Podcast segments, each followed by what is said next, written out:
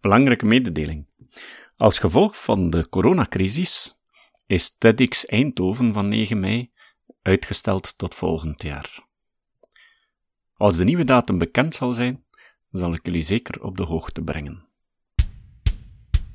Goeiedag, het is vandaag zondag 5 april 2020. Ik ben Jozef van Giel en dit is de 399ste aflevering van deze podcast. Sceptici krijgen regelmatig het verwijt dat ze meehullen met Big Pharma wanneer ze kritiek geven op zogenaamde alternatieve geneeswijzen. Wat wij doen is zaken aanklagen die gebaseerd zijn op magisch denken of slecht en onwetenschappelijk onderzoek. En dat komt ook voor in de normale geneeskunde. Ten slotte is ook bij farmaceutische bedrijven het doel om winst te maken. Op lange termijn werkt dat het beste door een duurzame relatie en vertrouwen op te bouwen met de consument.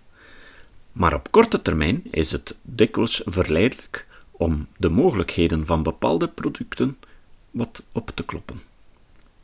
Ben Goldacre schreef daar al een boek over met de naam Bad Pharma. Maar het CEBAM, het Centrum voor Evidence-Based Medicine in België, bekijkt ook kritisch wat de wetenschappelijke basis is van bepaalde medische praktijken en het blijkt dat het daar wel eens in kan mislopen in de medische wereld. Patrick van Krunkelsven is directeur van het CEBAM en op de jaarlijkse vergadering van SCEP gaf hij een lezing over overconsumptie in de gezondheidszorg. Vandaag horen jullie het tweede deel. Overconsumptie in de gezondheidszorg. Goed, ik kan nog twee voorbeeldjes geven en ook iets waar we waarschijnlijk veel van horen, is arthroscopie. Ik heb het eigenlijk een beetje verkeerd gedaan. Goed. Knieartrose, veel voorkomende aandoening. Minstens 25% van de bevolking krijgt ermee te maken als ze maar oud genoeg uh, worden. Uh, het is een aandoening van het kraakbeen, waar het kraakbeen verdwijnt en waar ook wat botmisvorming ontstaat. En dus meer en meer pijn en immobilisatie door deze aandoening. Dus toch redelijk uh, serieus. En wat gebeurt daar ook? Je, je ziet het hier, hier heb je de meniscus zitten. Een meniscus, dat ziet er ongeveer zo uit, hè, twee setjes aan de twee kanten van de knie.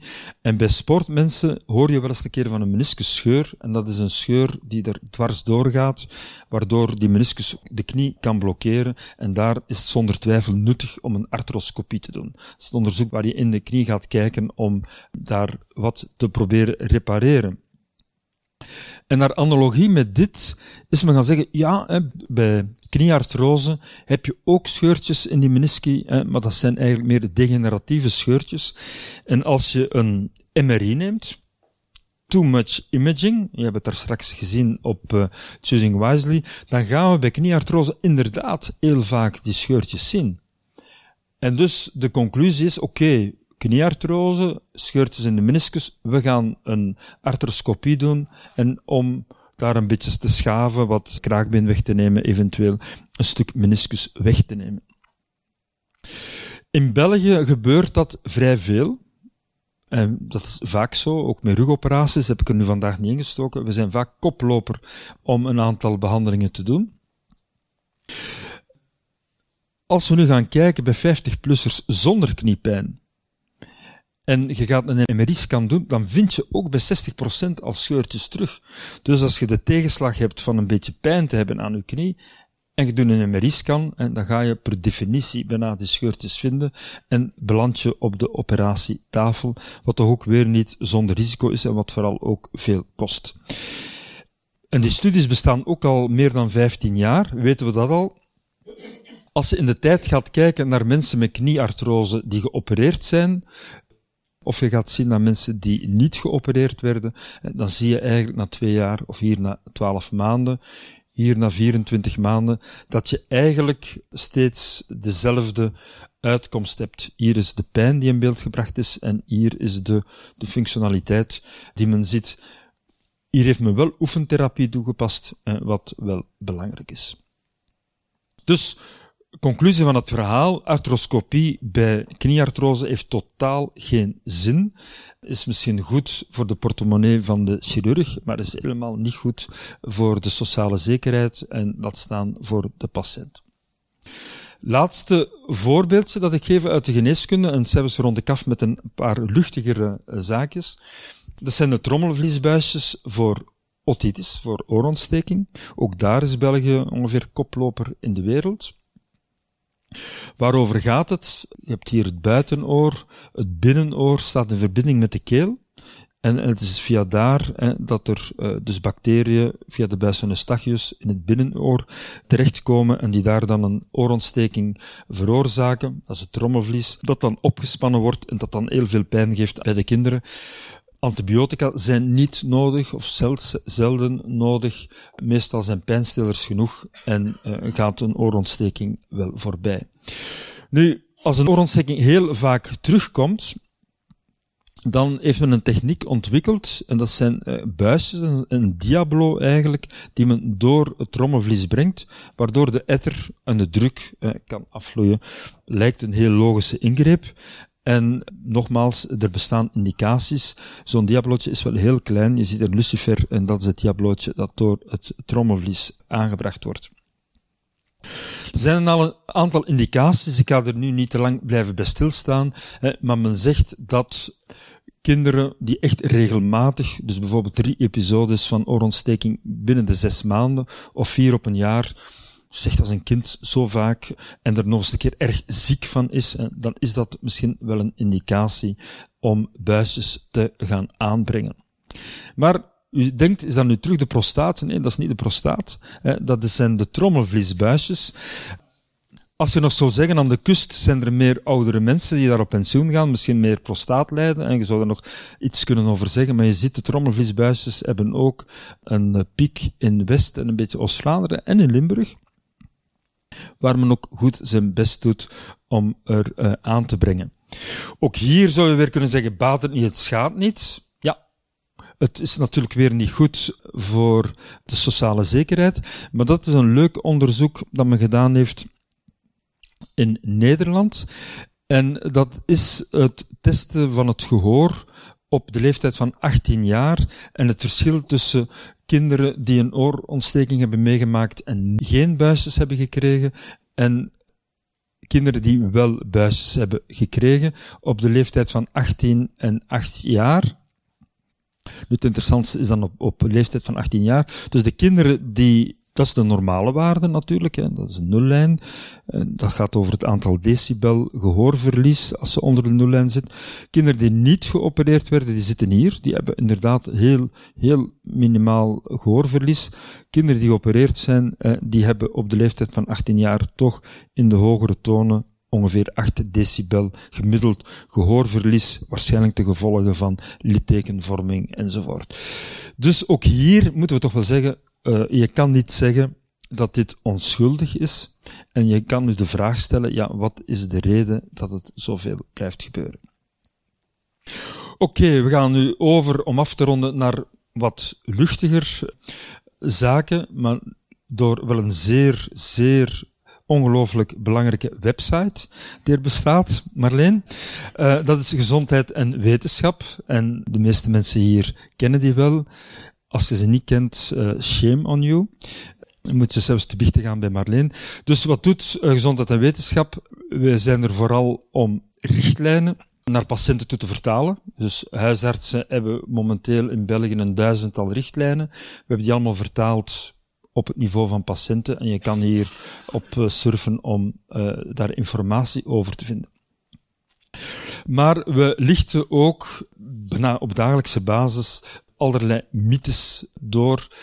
En um, waar ontstaan gezondheidsmythes? En we denken nog eens een keer spontaan, ja, het is de schuld van de kranten en die journalisten, die weten niet waarover ze schrijven en ze overdrijven altijd. En maar het omgekeerde is waar. We zijn er ondertussen, na al die jaren ervaring, wel van overtuigd dat het uh, onderzoekers zijn die vaak, ze doen een onderzoekje op muizen, uh, bijvoorbeeld rond Alzheimer, en ze willen fondsen werven, en ook al betekent het een minimaal verschil dat ze ergens gevonden hebben. Ze proberen dat in de krant te brengen. Meestal met de bedoeling om meer onderzoeksgeld naar zich toe te trekken of om het instituut te laten opvallen. Want naar de wetenschap toe betekent dat niks. Hè. Moeten ze publiceren en het is aan collega's wetenschappers om daar verder van gebruik te maken of niet. Maar ze willen het per se in de media en daar doen ze moeite voor. Er worden persberichten over gemaakt. De onderzoeker overdrijft een beetje en de man die de persmededeling moet maken voor de universiteit of het ziekenhuis, die zegt, ja, ik zal er nog een schepje bovenop doen, want anders wordt het niet opgepikt. Ja, en de arme journalist, Zeker in de Belgische context, waar er relatief weinig journalisten zijn voor veel kranten, die hebben niet altijd de tijd om dat heel goed te gaan checken en die publiceren het bericht. En zo worden wij daarmee geconfronteerd dag in dag uit. Hier is een voorbeeldje weer dat, het is nog erger dan de onderzoeker die iets overdrijft. Een bericht dat we hebben geanalyseerd in op gezondheid en wetenschap. Sommigen herinneren het zich misschien nog. moeten we granola, nagellak, plastic speelgoed, plastic drinkflesjes en zo, moeten we dat bannen uit ons leven?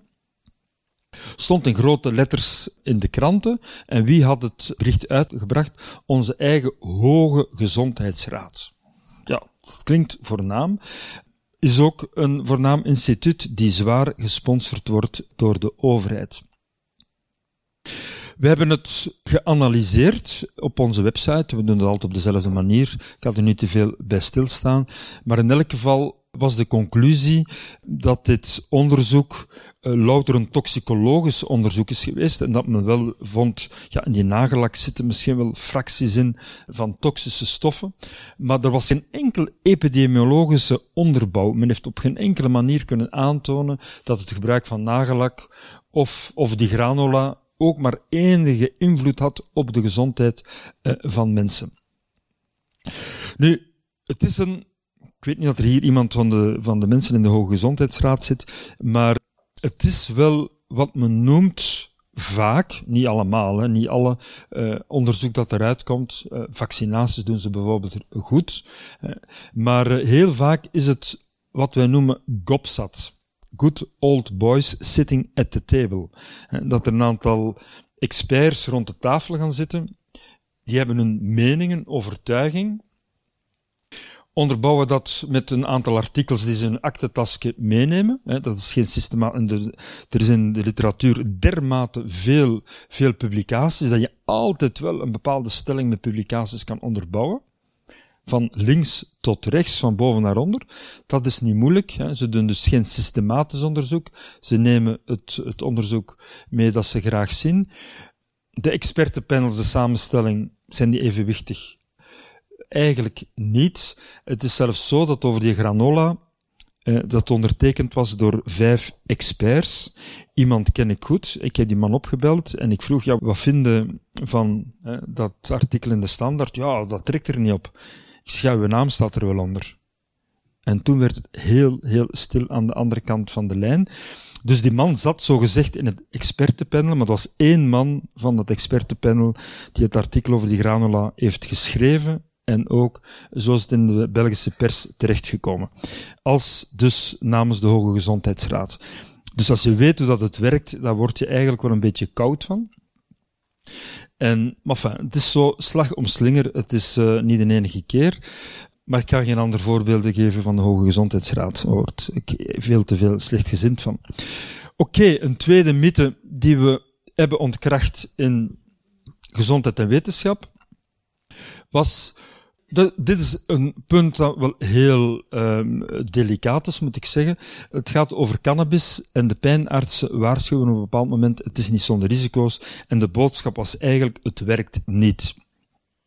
Nu, ik ben met hen akkoord, het werkt bijna nooit. Maar het rare van de zaak was, we hebben dat ook geanalyseerd, dat ze zich gebaseerd hebben op een wetenschappelijk tijdschrift, Pain, en waar eigenlijk juist uit bleek dat het wel wetenschappelijk bewijs was dat het werkte, wezen het lang niet bij iedereen, uh, bij één man of één vrouw op 10 à 20. En ik heb hier nog eens een keer Forest Plot. Niemand gaat hier buiten gaan zonder een Forest Plot te kennen. Payne heeft hier een zevental goed uitgevoerd onderzoek gebundeld. En hier ging het over een, uh, spijtig genoeg heb ik het er niet bij gezet, maar een effect was er uh, op pijn. Het was niet kankerpijn. Op het moment dat een patiënt aangaf dat de pijn meer dan 30% was verminderd, en men werkt daarvoor op een, een, visuele schaal van 1 tot 10. Dus als de pijn 30% was verminderd, was dan een hit. Hè, voor het placebo of voor de cannabis. En dus uit dit onderzoek, dat we toch goed onderzoek kunnen noemen, dan zie je dat men eigenlijk concludeert dat cannabis met THC, niet de CBD-olie die je koopt in de, al de winkeltjes of uh, nu ook in een aantal apotheken in ons land. Maar de combinatie van CBD en THC heeft wel enig effect. Nu, is dat nuttig om bij iedereen te gaan gebruiken? Nee.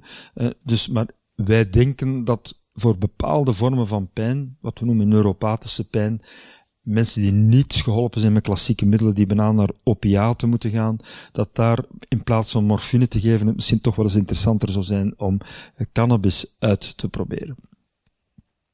Of, en ik eindig met het uh, meest interessante dat we hebben gevonden ooit in de kranten. Dat was dat gin uh, kan helpen bij vermindering of bij obesitas om, om gewicht te verliezen. Nu, je zou kunnen zeggen, ja, maar dat is toch absurd. Nu, er zijn heel veel gelijkaardige onderzoeken geweest, bijvoorbeeld van bier drinken dat je slimmer wordt, of van chocolade eten word je slimmer, of is goed voor de tandbederf, of goed voor het hart.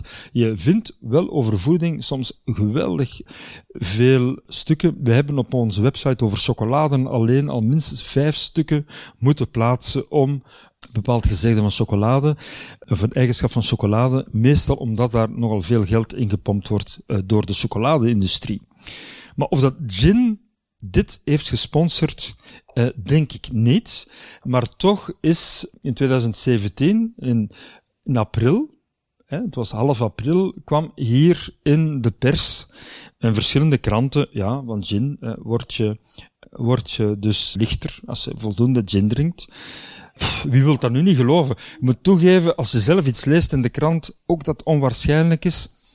Maar je eet graag chocolade, mm, je wilt dat toch wel graag geloven. Of je drinkt graag eens af en toe iets, daar staat zoiets. Je hebt toch wel de neiging om daarin mee te gaan. Zo zitten wij niet in elkaar, we moeten daar kritisch in zijn.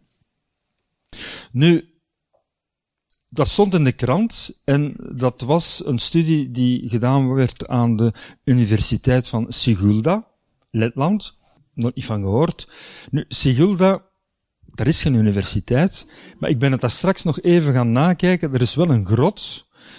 En er is een legende, als je daar water van drinkt, dat je daar het leven van degene die ervan drinkt, het lot verbetert. Ik vermoed dat uh, degene die het bericht heeft geplaatst, daar al een allusie op heeft willen maken. Nu, de professor Tizalai, zijn we ook op gaan googelen. Bestaat ook niet. Maar eh, sommigen hebben het al begrepen. Lie. Dus degene die het heeft geplaatst, uh, was wel redelijk humoristisch en had eigenlijk al de hint meegegeven. En zij heeft het geplaatst op 1 april. Als een aprilgrap, maar het is wel de wereld rondgegaan als echt nieuws. En ja, natuurlijk, wij hebben dat geanalyseerd, wij hebben het gepubliceerd, maar als iemand dat in de krant heeft gelezen, heeft het gelezen, en wees gerust, eigenlijk lees zo uh, dag in dag uit dingen die totaal niet waar zijn. Eén raad, als je iets over... Uh, gerust. Sorry. Je leest inderdaad dagelijks heel veel over voeding, maar de enige manier om ermee om te gaan is het per definitie niet te geloven. Want wij weten, 80% van voeding is manifest fout. 10% misschien een beetje in het midden en misschien is 10% uh, zit er wel een bron van waarheid in. Maar je, bent veel zekerder door niks te geloven dan door het af en toe te geloven, tenzij inderdaad als je graag chocolade eet en je leest over chocolade, dat het voor je gemoedsrust uh, beter is. Maar als je twijfelt, Gezondheid en wetenschap, daar vind je de waarheid. Dank u.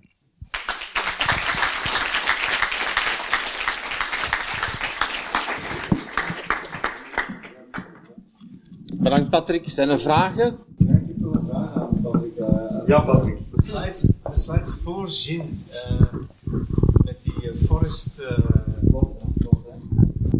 daar, daar zie ik geen aantallen staan. Ik heb bij andere forestploegen gekeken dat er meestal de aantallen van patiënten bij staan en die zijn vrij groot, maar bijvoorbeeld zelf ben ik heel kritisch gaan kijken naar de effecten van mindfulness en um, James Coyne, dat is een uh, professor gezondheidspsychologie voor veel mensen met pijn en nek, maar die zegt bijvoorbeeld, dat op het moment dat je minder dan 50 patiënten hebt, dan heb je eigenlijk sowieso al, al 50% kans op vals positieve. Uh, en, en als je dan begint te kijken, de meeste meta-analyses die gebeuren in de psychologie, die gaan nooit naar de originele data kijken. Ik weet niet wat in de medische wereld is, maar het is natuurlijk wel start van, van foute statistiek,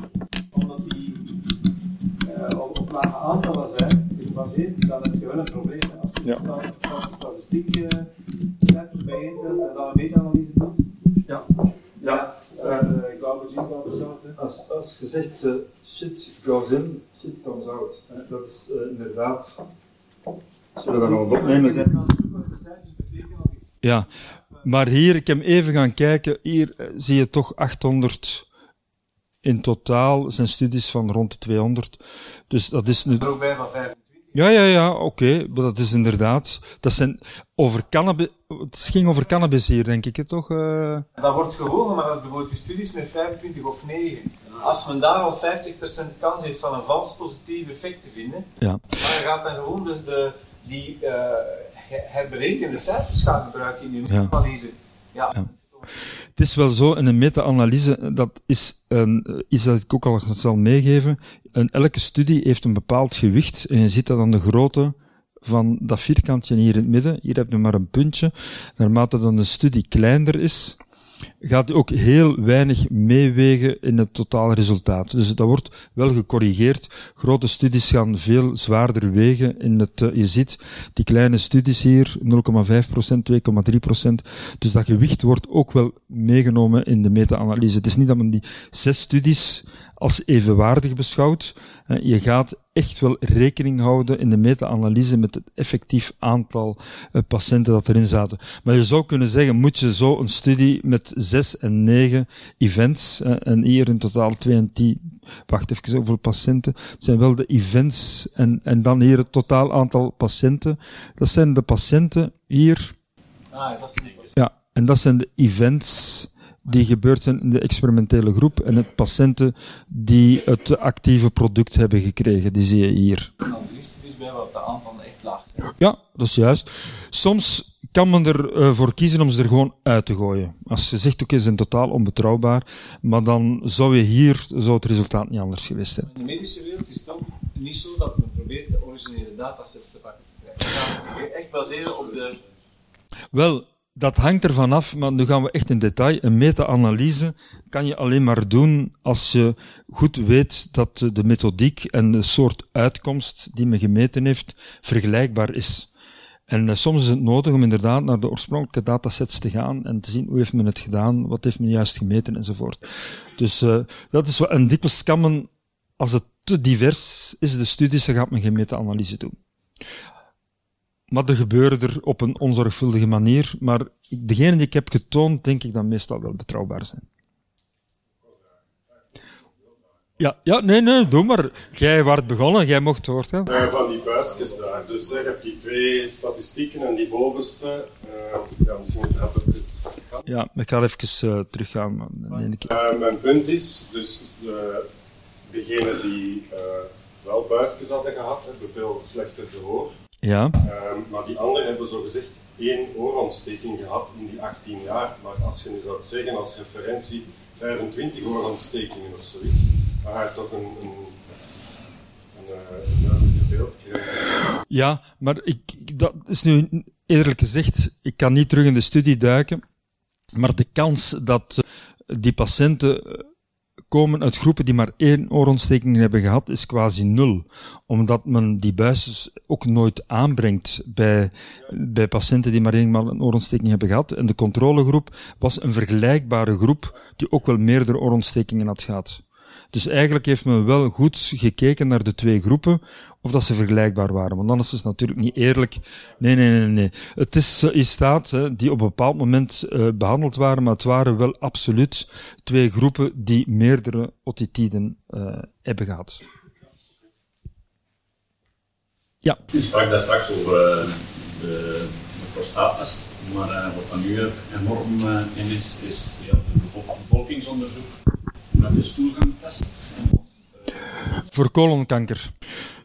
Nu, wat ik daar, ik, heb, uh, ik geef les over preventie en dan heb ik, uh, spreek ik over drie kankers waar het zeker nuttig is. En dan staat colonkanker toch, baarmoederhalskanker, colonkanker, borstkankerscreening is toch al wat meer dubieus, omdat de behandelingen dermate verbeterd zijn dat we bijna geen verschillen meer zien tussen screening en niet-screenen. Maar wat colonkanker betreft, absoluut. Dat is toch een vrij eenvoudige test. Wat is het principe? Je hebt uh, kleine polypjes in de dikke darm, die beginnen te groeien. Het, uh, het slijmvlies is wat gevoeliger, dat gaat gemakkelijker bloed uitkomen. En dus je gaat op het moment dat je bloed in de stoelgang hebt, microscopisch, je gaat dat zelf niet zien, maar als je een positieve IFOP hebt, wil dat zeggen meestal dat dat van die polypjes zijn, die kan men perfect wegnemen bij een coloscopie en dan is eigenlijk het uh, beginnende kanker, kan je zeggen, eigenlijk weggenomen. Maar tussen het ontstaan van een polyp en kanker, daar zit zeker tien jaar tussen. Een te vergelijken met baarmoeder als kanker, waar je uh, onrustige cellen ziet, tien jaar voordat er uh, baarmoeder als kanker komt. Dus die darmpolypjes zijn echt wel heel vaak de voorbode van kanker. Ik vind die, ik sta er volledig achter. En ook de cijfers daaromtrent, die zijn uh, zeker goed. Maar je ziet daar het verschil. Je hebt een positieve IFOP-test, je krijgt een coloscopie, dat is ook niet plezant. Maar men knipt die polypjes weg en het is gedaan. En de behandeling is eigenlijk uh, onschuldig. Terwijl bij prostaat heb je een zeer ingrijpende reeks gebeurtenissen, biopsie en eventueel prostatectomie. Vandaar het groot, je moet eigenlijk altijd naar het evenwicht zien. Moest die coloscopie nu heel gevaarlijk zijn, en dat is niet zonder gevaar, je hebt een klein risico, maar dat weegt absoluut wel op tegen het voordeel. Maar stel dat die coloscopie ook enorme gevolgen zou hebben, dan zou je ook moeten afvragen, ja, is het wel de moeite waard? Maar dat is dus niet. Ja. Ik zou een, uh, een praktische vraag willen stellen. Is de, hoe kan, kunnen mensen nu over raad krijgen als ze bepaalde behandelingen uh, moeten doen of niet? Zou je moeten een aantal artsen een soort label geven van evidence-based, uh, voor, bijvoorbeeld als ze iets meemaken, dan is het toch hen te raadplegen? Of, of, of moet je dat doen? Of moeten alle, als de artsen het zelf niet, alle artsen het zelf niet willen doen? Wel, uh, dat is een moeilijke vraag. Uh, waar wij van overtuigd zijn, is dat patiënten misschien beter dan artsen in staat zijn om op te komen voor hun eigen gezondheid. Als de patiënten bijvoorbeeld allemaal goed weten, zo'n kijkoperatie in mijn knie, als ik artrose heb, dat betekent niks. Als dan een arts gaat zeggen, ik ga u opereren, dan gaat die patiënt misschien wel ook tegengas geven. Um, een ander punt is dat wij ervan overtuigd zijn dat een, een, arts altijd de discussie zou moeten aangaan. En moeten zeggen van kijk, je hebt nu knieartrose. Wat zijn de mogelijkheden? Je kan oefenen. Je kan niks doen. We kunnen opereren. En dat zijn de uitkomsten. We noemen dat ook decision aids, hè, waar men eigenlijk uh, met eenvoudige diagrammen patiënten helpt om echt zelf de keuze te maken. Maar ik weet het, uh, als artsen natuurlijk met heel veel overtuigingskracht zeggen, ja, moest ik het zijn, ik zou direct opereren. Ja, dan het er als patiënt natuurlijk wel een beetje in de hoek. En dan is het als patiënt moeilijk om op te komen voor de gezondheid. Maar nogmaals, de reden van onze website en ook heel veel werk dat we doen, is toch om de patiënt mondiger te maken. Dat is al één punt. Je zou ook, en dat is het, het plaatje van Ontario, waar men de vitamine D-test op een bepaald moment meer terugbetaalt. Voor knieartrose, om dat voorbeeld te geven, in een aantal landen is men gewoon gestopt om die operatie terug te betalen bij knieartrose. En je ziet, pff, hetzelfde plaatje als in Ontario, dan valt het. En uh, dat is nog geen ene patiënt slechter van geworden, integendeel. Dus je moet die dokters soms uh, ja, door heel harde maatregelen te nemen, gewoon verbieden om bepaalde dingen te doen. Of het zo duur te maken dat de patiënt ook wel twee keren nadenkt. Maar het plaatje waar je ziet dat de aanbeveling, het effect van de aanbevelingen niet zo, zo, zo zwaar weegt, is wel redelijk verontrustend. Ja, maar ik zeg, je, je zou eigenlijk nog een soort artsen instellen die wel dit soort zaken nog doen. Ja, maar wij proberen, maar wees gerust Tim, dat is juist de ambitie die wij hebben met CEBAM en gezondheid en wetenschap, maar ook aan de kant van de artsen proberen we heel veel informatie aan te reiken aan, aan, aan de artsen met, met een duizendtal richtlijnen. Het probleem is dat op dit moment, mag ik wel zeggen, de huisartsen beter op het schip zitten van evidence-based medicine dan dat de specialisten het zijn. Ik zie een specialist uh, ja knikken, maar uh, het probleem is, wij hebben onderzoek gedaan bij, bij, dat is het laatste daarover, er zijn nog een paar mensen, maar we hebben bij, over knieartrose, zijn we gaan vragen bij specialisten, waarom volgden die richtlijnen nu niet? Het is gepubliceerd, als iemand het moet weten, moet jij toch wel weten. En uh, ofwel geloofden ze de richtlijnen niet, of ze hadden meer vertrouwen in, in hun eigen kunnen, of ze hadden het zo aangeleerd gekregen aan de universiteit. Maar eigenlijk wat er bovenuit kwam, dat was van, ja, eigenlijk willen die patiënten wel geopereerd worden, ofwel, ja, als ik moet uitleggen hè, dat ze beter gaan oefenen in plaats van een operatie, dan ben ik ook een kwartier kwijt. Op die tijd heb ik mijn arthroscopie gedaan en dat verdient toch wel veel beter. Dat staat letterlijk, zeggen ze letterlijk tegen ons. Ja, het is erg, maar het is zo. Ik had nog een aantal vragen. Ja. U gaf enkele voorbeelden van de Hoge Gezondheidsraad, maar die de KCE kunnen zijn? Of Nee, gelukkig, gelukkig werkt het KCE uh, veel beter. Dat kan ik wel zeggen. Wel, men heeft een, poging gedaan, Magie de Blok heeft een poging gedaan om Cienzano, dat is ook een organisatie die mijn zinzins ook vrij goed werkt, die vooral epidemiologisch werkt, de bevolkingsonderzoeken doet, uh, de griepepidemie volgt enzovoort, dat doet Cienzano. En KCE, die vooral vragen van de overheid beantwoordt, uh, gezondheidsvraagstukken tracht op te lossen. En je hebt de Hoge Gezondheidsraad, men wou die alle drie fusioneren. Dat is niet gelukt. Maar wat is het verschil tussen de Hoge Gezondheidsraad en de KCE? KCE antwoorden op vragen? Wel, de Hoge Gezondheidsraad zal dikwijls zelf uit haar eigen initiatief nemen om bepaalde richtlijnen uit te vaardigen. Uh, KCE is opgericht om, als bijvoorbeeld uh, de overheid vraagt zich af, uh, aortaklep, probleem, moeten we een klassieke operatie doen of langs de lies? Wat is nu het beste? Dat is een vraag dat ze zeggen, wat moeten we doen? KCE gaat onderzoek doen en geeft dan een antwoord. Die of die ingreep is in die situatie beter. En KCE is eigenlijk ontstaan op het moment dat EBM al bestond. En zij doen per definitie altijd systematisch onderzoek, literatuuronderzoek. Ik ben niet altijd eens met wat uit KCE komt, maar ik durf toch wel zeggen, 80, 90 procent van hun aanbevelingen, dat die toch wel echt heel goed onderbouwd zijn. En uh, niet GOPSAT. Als iemand daar met een GOPSAT-methode afkomt, die wordt onmiddellijk ontslagen op het KCE. En de Hoge Gezondheidsraad, hoe dat, dat kan in één land. Ik heb in de laatste vijf jaar één keer Magie de Blok opgebeld. Dat was naar aanleiding van die granola-affaire. En uh, zij antwoordde mij dan, ja, ja, ik was daar net op een lezing en ik kreeg een plastic flesje water en iemand zei me, ja, meneer, uh, mevrouw de minister, je mocht er eigenlijk niet van drinken, want de Hoge Gezondheidsraad. En ze begon een heel verhaal, dat ze het ook allemaal erg vond. Maar conclusie was dat zij zei, ja, ze hebben een subsidie en ze zijn onafhankelijk en wij kunnen dat eigenlijk niet zomaar terugdraaien.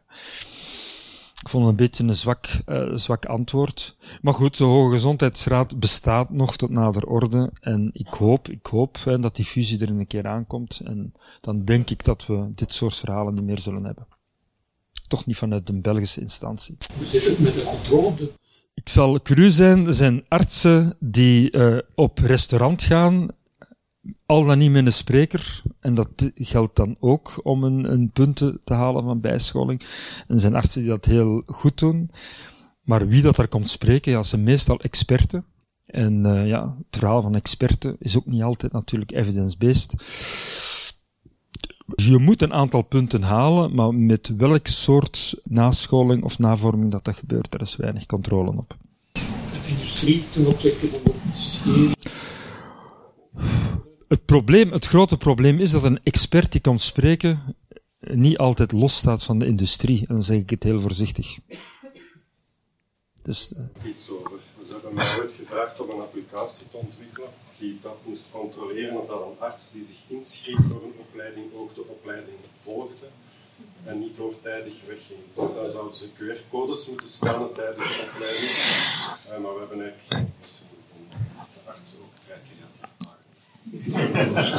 Maar ik denk dat het probleem van het vroegtijdig verlaten van de vergadering minder groot is dan de kwaliteit van de opleiding. Maar ja, daar weet ik niks van. Ja, maar ik zou eerder dat meten dan het vroegtijdig verlaten van de zaal. Maar goed, je hebt een poging gedaan, maar de kwaliteit van opleidingen is inderdaad niet altijd, uh, niet altijd groot.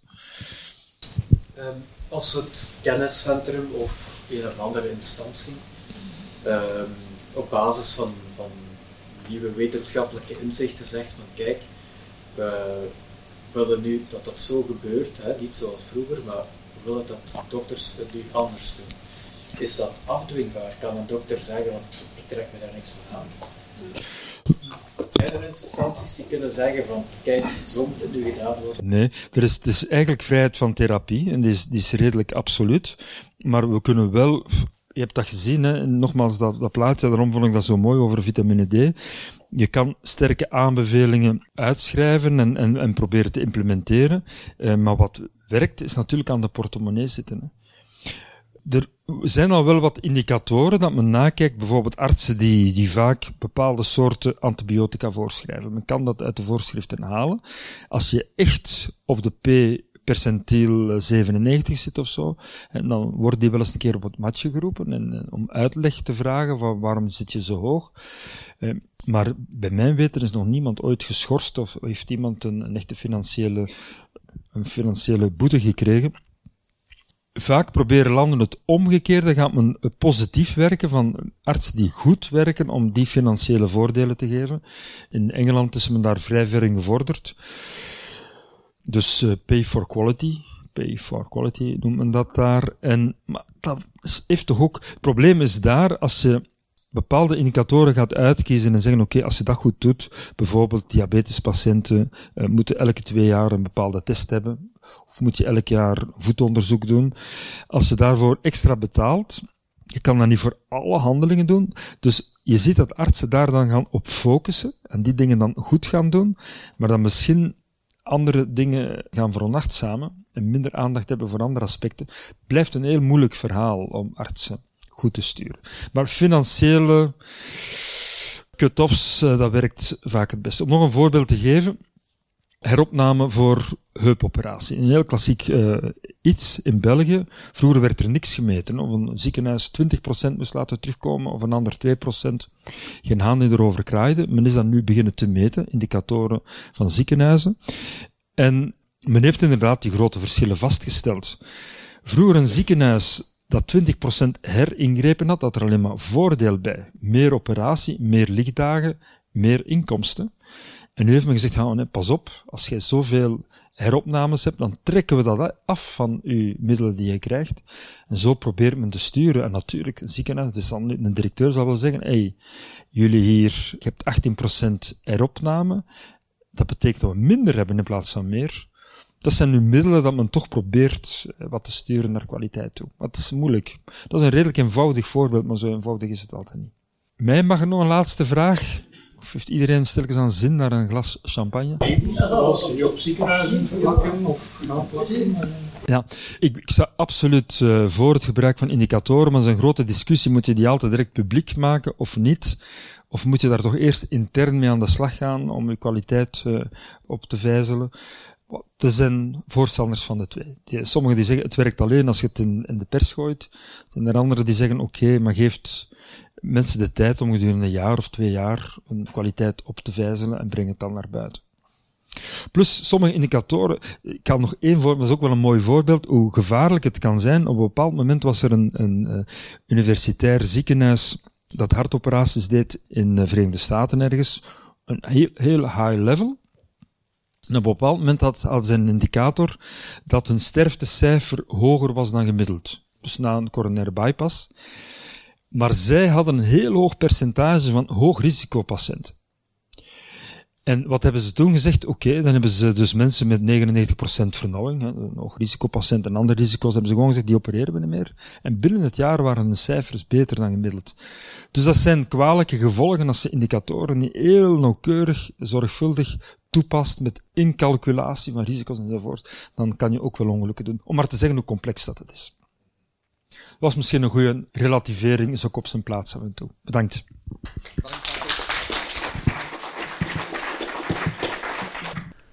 Het citaat van vandaag komt opnieuw uit het boek Feitenkennis van Hans Rosling.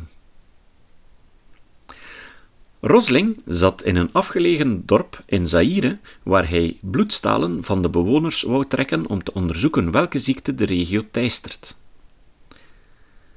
De dorpsbewoners waren wantrouwig en enkele jonge mannen begonnen de artsen te bedreigen. Toen stapte een vrouw op blote voeten, van misschien een jaar of vijftig, naar voren. Ze beende naar mij toe en draaide zich om, spreidde haar armen en zei met luide stem: Horen jullie niet dat het klopt wat hij zegt? Houd toch je mond, het klopt, dit bloedonderzoek is nodig. Zijn jullie dan al die mensen vergeten die aan de mazelen stierven? Zoveel kinderen zijn bij ons gestorven.